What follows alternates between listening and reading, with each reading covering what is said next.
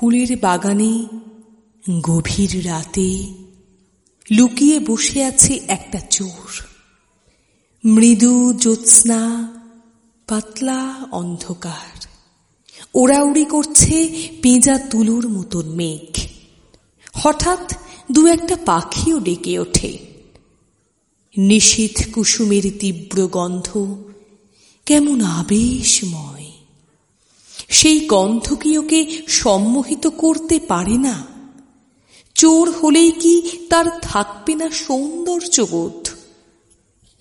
দিন দুপুরে একটা সাত বছরের বাচ্চা মেয়েকে ছিনিয়ে নিয়ে গেল একজন মুখোশধারী।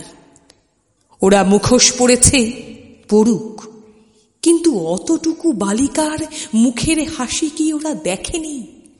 গলা টিপে সেই হাসি মুছে দিতে গিয়ে ওদের বুক কাঁপবে না?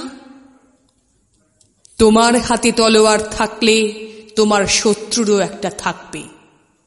তারপর মুখোমুখি হবে লড়াই। এটাই তো মানুষের নিয়ম। যারা পেছন দিক থেকে আঘাত হানে, নিরস্ত্রকে পুড়িয়ে মেরে অট্টহাসিতে হাওয়া কাঁপায়, তারা কি মানুষ? জনসংখ্যা যত বাড়ছে ততই মানুষের সংখ্যা কমে যাচ্ছে।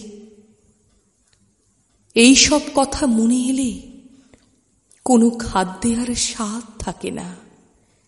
সব সুরই মনে হয় বেসুরো।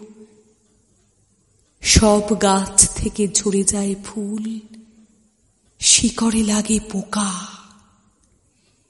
নদীর ধারে নির্জন গাছতলায়। এখনও কি কেউ আপন মনে বাঁশি বাজায় তার প্রতীক্ষায় বসে থাকি।